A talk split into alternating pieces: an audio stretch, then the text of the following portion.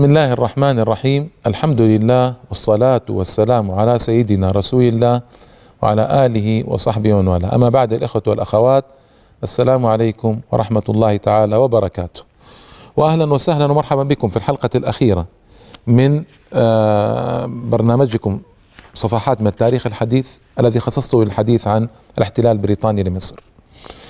هذه السلسلة الطويلة ستون حلقة تحدثت فيها عن احتلال جثم على صدور المصريين طويلا قرابة 74 سنة.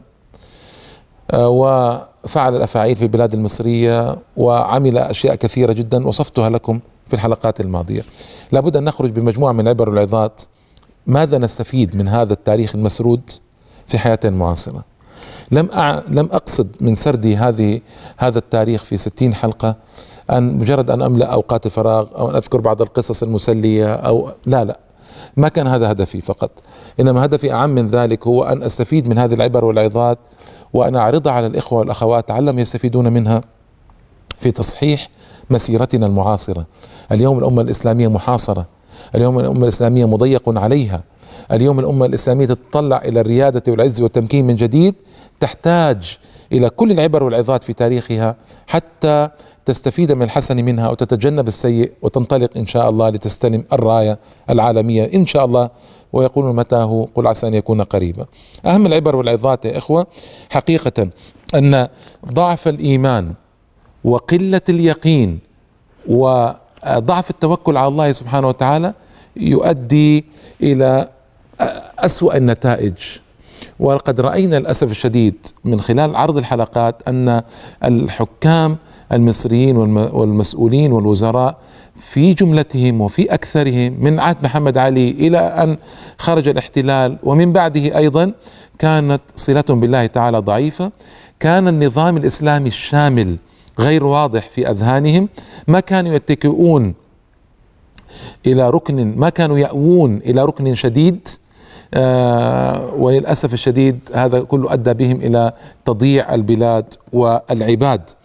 آه طبعا ثانيا آه وجوب إعداد القوة. الله تعالى يقول وأعدوا لهم ما استطعتم من قوة ومن رباط الخيل ترهبون به عدو الله وعدوكم. فالله تعالى يقول ما استطعتم. فلما فرط المصريون في إعداد القوة التي يستطيعونها احتلت بلادهم وفعل بهم الأفاعيل.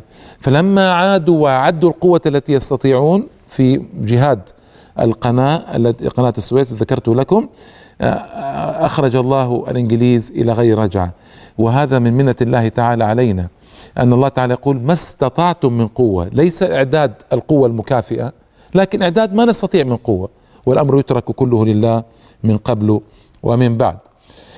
ثالثا التصرف غير الرشيد في آه، ميزانية الدولة والتبذير والإسراف يعود كل ذلك على المجتمع بأسوأ العوائد. وقد رأينا ما حدث من خديوي إسماعيل عندما فرط في بلاده بسبب التبذير الشديد الخيالي الذي لا يعرف إلا في القصص والألف ليلة وليلة ربما ولا يعرف أصلا. يعني التبذير الذي كان عليه خديوي إسماعيل لم يعرف قط في تاريخ المسلمين. لم يعرف قط لأن الخديوي مدته كانت طويلة نسبيا وهذه آه، المدة الطويلة أسرف جدا وبذر جدا وبنى من القصور وحاز من المتع ما لا يخطر على بال أحد وصرف في كل ذلك موارد البلاد المصرية وكان هو السبب المباشر للاحتلال الإنجليزي لمصر. المسؤولية الأولى تقع عليه ولا شك ولا ريب. آه، فالاقتصاد في الموارد المالية أمر مطلوب ومحمود. آه، رابعا المشايخ والعلماء والدعاة وطلبة العلم هم صمام الأمان في أي أي شعب وفي أي أمة. فالأمة الإسلامية صمام أمانها المشايخ وطلبة العلم والدعاء والصالحون يقودون إلى الخير ويوجهون إلى الرشد. فإذا ضعف هؤلاء وتراجعوا ولم يقوموا بمهمة وظيفتهم حدث اختلال كبير في البلاد. لا رأينا نحن في أيام الحملة الفرنسية على مصر نابليون وكليبر وهذه المجموعة من وقف لهم؟ عبد الله الشرقاوي عمر مكرم يعني هؤلاء الكبار هم الذين وقفوا ودافعوا عن الشعب المصري. حملة ألكسندر فريزر الحملة البريطانية الأولى وتحدثت عنها في حلقات قبل ذلك من وقف في وجه هؤلاء؟ أيضا عمر مكرم في المقدمة وعبد الله الشرقاوي ومجموعة من المشايخ تولوا زمام قيادة المجتمع المصري إلى بر الأمان وأعدوا الشعب وهيئوه وجاهد الشعب جهادا رائعا حتى استطاع الشعب أن يفسد الحملة البريطانية. على بلاده بينما الحملة البريطانية التي جاءت بعد ذلك ب 75 سنة تحدثت عنها طويلا حلقات الماضية للأسف ما وجدت طرازا من العلماء كطراز أولئك. وما وجدت مشايخ مثل أولئك. وللأسف تراجع أثر المشايخ أكثر فأكثر في المجتمع المصري إلى يوم الناس هذا. وهذا لا يمنع أن وجد على مدار التاريخ المصري الحديث مشايخ لهم وزن كبير لكن كانوا قلة. حتى ننصف الناس وننصف التاريخ وينصفنا التاريخ. كانوا قلة في الحقيقة وأكثر مشايخ لا وزن لهم ولا قيمة لأن المشايخ ضيعوا آه، آه، بأنفسهم مكانتهم. ولو أن أهل العلم صانوه صانهم ولو أن أهل العلم صانوه صانهم ولو عظموه في النفوس لعظم لكن أهل العلم ما فعلوا ذلك. ماذا نصنع لهم؟ نعم. وإلى اليوم نعاني نحن من هذه المشكلة مشكلة ضعف وتراجع العلماء وإنا لله وإنا إليه راجعون. النقطة الخامسة في العبر والعظات ضعف عقيدة الولاء والبراء مؤد إلى أسوأ العواقب أيضا أسوأ العواقب فإن عقيدة الولاء والبراء تضمن دائما أن يكون هنالك آه، كيان للمسلمين وهذا الكيان يحافظ عليه فإذا ارتمى المسلمون في أحضان الغربيين الكافرين فإن هذا دال بوضوح على نقص عقيدة الولاء والبراء وبمقدار ذلك الارتماء في أحضان كفرة يكون ذلك النقص. قال الله تعالى يا أيها الذين آمنوا لا تتخذوا اليهود والنصارى أولياء بعضهم أولياء بعض ومن يتولهم منكم فإنه منهم. إن الله لا يهدي القوم الظالمين. يا أيها الذين آمنوا لا تتخذوا الذين اتخذوا يا أيها الذين آمنوا لا تتخذوا عدوي وعدوكم أولياء تلقون إليهم بالمودة. وقد كفروا بما جاءكم من الحق. يا أيها الذين آمنوا لا تتخذوا الكافرين أولياء من دون المؤمنين. ولقد رأينا ضعف عقيدة الولاء والبراء في الخديوي سعيد وفي الخديوي إسماعيل وفي الخديوي توفيق وفي الخديوي عباس حلمي الثاني. وساقوا جميعا هؤلاء المجتمع المصري إلى أوخم العواقب واسوائها بسبب ارتمائهم في أحضان الكافرين ورضاهم بأن يتخذ آه، هؤلاء أولياء لهم. أيضا آه، سادسا عدم إقامة الدولة على أساس الإسلام وتنحية الكتاب والسنة من الحكم وعدم وجود تنظيمات شاملة آه، مردها ومرجعيتها إلى الإسلام كل هذا أدى إلى جملة مصائب في البلاد المصرية.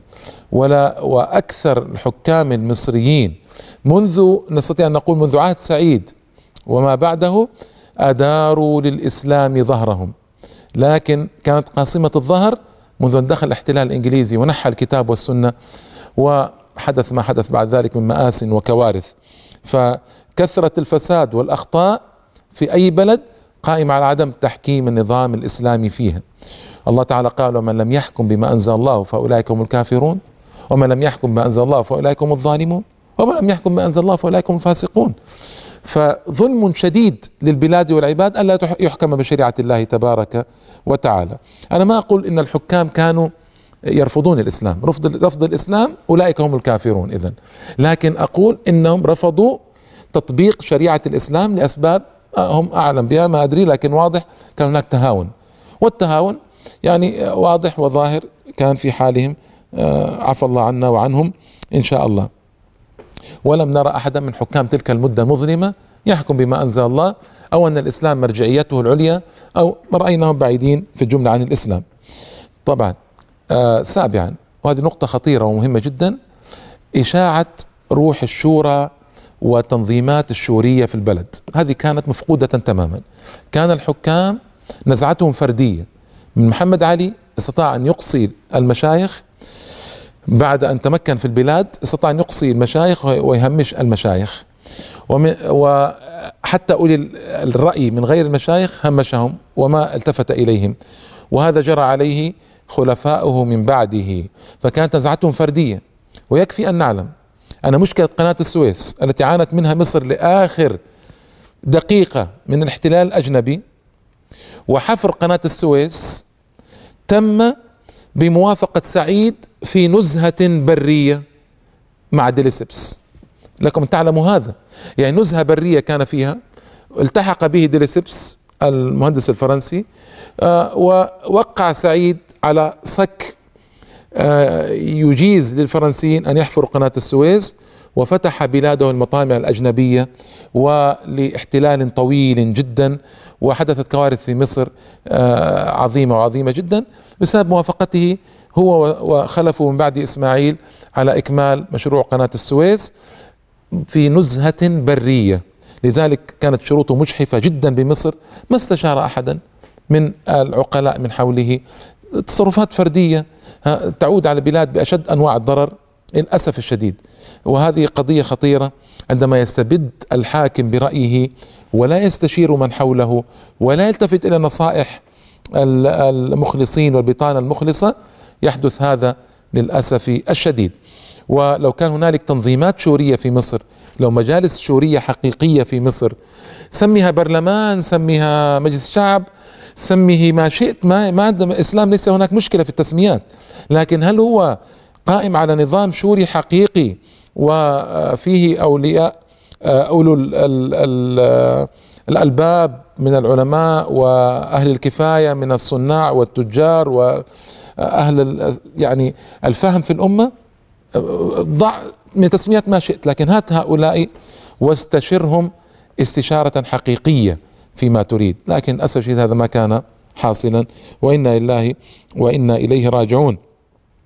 وطبعا رأينا كل حكام تلك المدة المظلمة لم يكونوا يستشيرون آه، في قراراتهم تقريبا أحدا. وإذا أنصفنا نقول كانوا يستشيرون لكن يستشيرون بطانة سيئة. هذه هذه هذه مشكلتهم. هذه مشكلة كبيرة جدا أدت بالبلاد إلى حدوث الكوارث التي حدثت فيها. أكمل العبر والعظات من هذا الاحتلال الطويل بعد الفاصل إن شاء الله تعالى. السلام عليكم مرة أخرى بعد الفاصل. أكمل العبر والعظات المستقاة من تلك الحملة والاحتلال الطويل الذي وقع على مصر. ثامنا أقول المظالم الواقعة على الشعب من أكبر أسباب الهزيمة.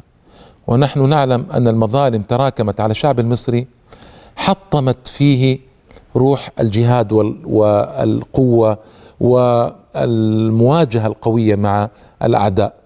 ففي عهد محمد علي ظهرت يعني في عهد الحملة الحملة الفرنسية الأولى على مصر والحملة البريطانية الأولى حملة آه، ألكسندر فريزر وهذه الحملات فشلت. السبب الأول لفشلها بعد توفيق الله تعالى آه، هو أن الشعب ثار وأن الشعب لم يقبل وأن الشعب كان قويا في المواجهات. للأسف المظالم الهائلة التي وقعت على الشعب بعد ذلك على طبقة الفلاحين بالذات المزارعين الفقراء الطبقة الفقيرة مظالم هائلة ألقيت على كواهنهم الضرائب الفادحة السياط التي كانت تلهب ظهورهم. كل هذا جعلهم أماتت فيهم الشعور بالمقاومة والقوة والعزة والكرامة فأدت إلى تلك الهزائم المتتالية في التاريخ الحديث المصري. وطبعا هناك مقولة قال شيخ الإسلام ابن تيمية أحسب أنها صحيحة إلى حد كبير. قال إن الله تعالى ينصر الدولة العادلة ولو كانت كافرة ويهزم الدولة الظالمة ولو كانت مسلمة. يا إخوة متى نعقل؟ متى نفيق؟ متى نصحو ونستيقظ أن الظلم ظلمات وأن العدل أساس الملك وأن الظلم لا يعود على الناس بشيء ولا يعود على البلاد إلا بأسوأ أنواع الخراب وأن الظلم أساس خراب الممالك قديما وحديثا.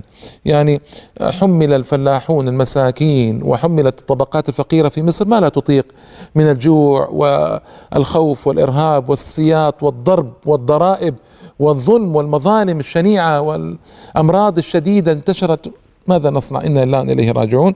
كانت النتيجة الطبيعية لما دخل الاحتلال الإنجليزي وجد الناس يعني وجد الناس في آه، مهلكة تامة وفي آه، آه، شعور ذهول ما كان هناك الشعور القوي الذي سيطر على الناس أيام الحملة الفرنسية والحمله البريطانية الأولى.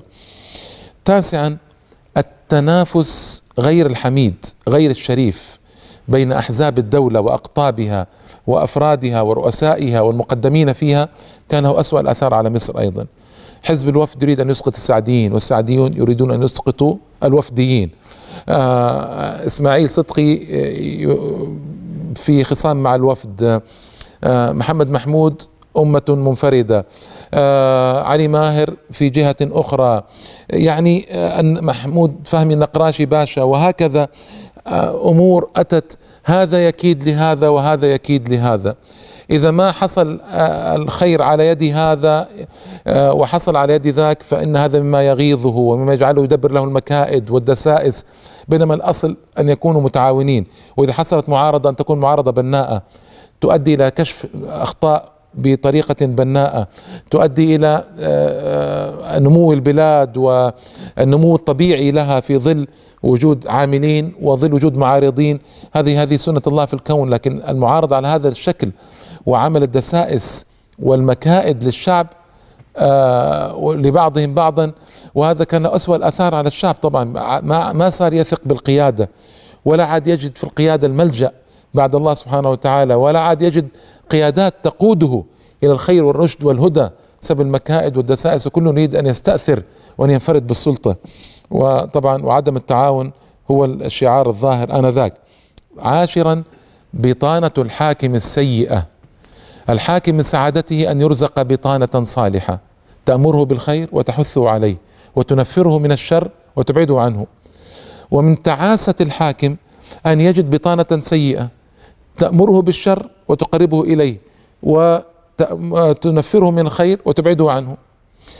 البطانة لأغلب الحكام الذين حكموا مصر في تلك المدة المظلمة كانوا على تلك الشاكلة.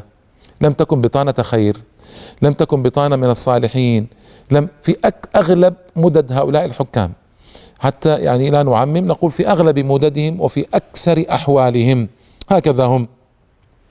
آه، بطانة سيئة وسيئة جدا. أيضا التغريب الذي جرى على مصر. البلد آه، إذا كانت تدار بالنظام الإسلامي وتساس بالشريعة الإسلامية وأفراد المجتمع يساسون بالشرع وحكم الشرع والشرع هو المرجع الأول والأخير والمرجعية العليا للبلد كان ذلك خيرا عظيما وكبيرا جدا لأن الله تعالى أراد من الناس أن يطبقوا شرعه ليسعدوا في الدنيا والآخرة. أما إذا حصل التغريب الطويل في البلد وحصل أن الكبار في البلد يتجهون ويجعلون الغرب قبلة لهم عوضا عن مكة ويأخذون في الحضارة الأوروبية يأخذون شرها ويأخذون مرها ويأخذون سوءها هنا يخاف على البلد خوف خوفا شديدا. هذه نقطة خطيرة وخطيرة جدا لابد أن تفهم. التغريب الذي جرى أمره خطير وهون من شأن الاحتلال الإنجليزي وجعل كثيرا من رموز المصرية تتجه إلى الاحتلال وتجعله بطانة لها وصديقا لها وهذا خطر كبير جدا وانشغل المصريون رموز المصريين بعضهم ببعض عن الاحتلال وكل ذلك من جراء التغريب والرضا بالحياة الأوروبية بحلوها ومرها وخيرها وشرها كما قال طه حسين من قبل. أيضا التنازع بين المسلمين وترك الدولة الإسلامية في مشكلاتها ولا يعاونها أحد. أيام الدولة العثمانية حصل تنازع كبير بين السلطان العثماني وبين محمد علي إلى درجة أنه أرسل ابنه ليستولي على سوريا وأناضول وحصلت مآسي لا حصر لها وقتل من الجيش الإسلامي عدد ضخم جدا وحطمت مقدرات كبيرة. والتنازع بين الدول الإسلامية يؤدي إلى هذه الآثار السيئة وأدى إلى أن تتحكم الدول الغربية في مصير مصر في عن طريق معاهدة لندن 1840 التي ضعفت ضعفت من الأثر المصري والريادة المصرية في آه، ذلك الوقت وطبعا هذا التنازع شر كله. والله تبارك وتعالى شرط من شروط النصر ألا نتنازع. فيما بيننا وألا نختلف فيما بيننا لكن نحن ما أطعنا الله سبحانه وتعالى لذلك سلط الله تعالى علينا أعداءنا. النقطة الأخيرة في الحقيقة في ظني وهي تغريب المرأة. المرأة يا إخوة يعني أوصيكم خيرا بالمرأة أما وزوجا وأختا وبنتا. أعداء الإسلام ما استطاع أن يسيطروا على بلد إلا من خلال المرأة أولا. إذا دخلوا بلدا بالقوة وأرادوا أن يطوعوا أهله بدأوا بالمرأة. وهذا الذي حصل في مصر. مكنوا لنساء أولا مكنوا نظريات في المجتمع المصري تنادي بتحرير المرأة والمرأة مظلومة والمرأة مسكينة و و و. ومكنوا لرجال مشبوهين ولنساء مشبوهات في المجتمع المصري. وأدى ذلك إلى تخريب المجتمع المصري آنذاك. لأن المجتمع يقوم على من؟ المرأة. العامل الأول فالمرأة هي أم. وهي زوج وهي أخت وهي بنت وهي جدة راعية ولها كلمة في البيت و و و. فإذا المرأة فسدت وتغربت واتبعت خطى الحضارة الغربية في شقها الماجن الداعر الفاجر فعلى المجتمع السلام إذا فعلى المجتمع السلام إذا فالقضية خطيرة وخطيرة جدا. تغريب المرأة.